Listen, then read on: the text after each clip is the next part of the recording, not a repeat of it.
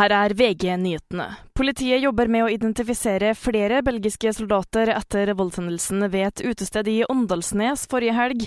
Fire er foreløpig siktet. Og det skal være grunnlag for å sikte ytterligere soldater. Hittil er rundt 70 personer avhørt i saken, herunder 20 belgiske soldater, opplyser politiet til NTB. En lokal mann ble sendt til sykehus med skader etter hendelsen. Totalt har fire status som fornærmet. Reporter Frode Sti. En kvinne i 50-årene er fløyet til sykehus etter en trafikkulykke i Sunnfjord. Skadeomfanget er uklart.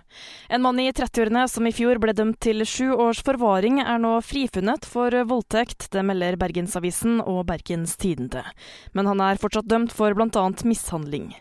Kommunene Vardø, Frosta og Siljan har også gjort som Drammen og vedtatt at de bare ville bosette ukrainske flyktninger, det skriver Vårt Land.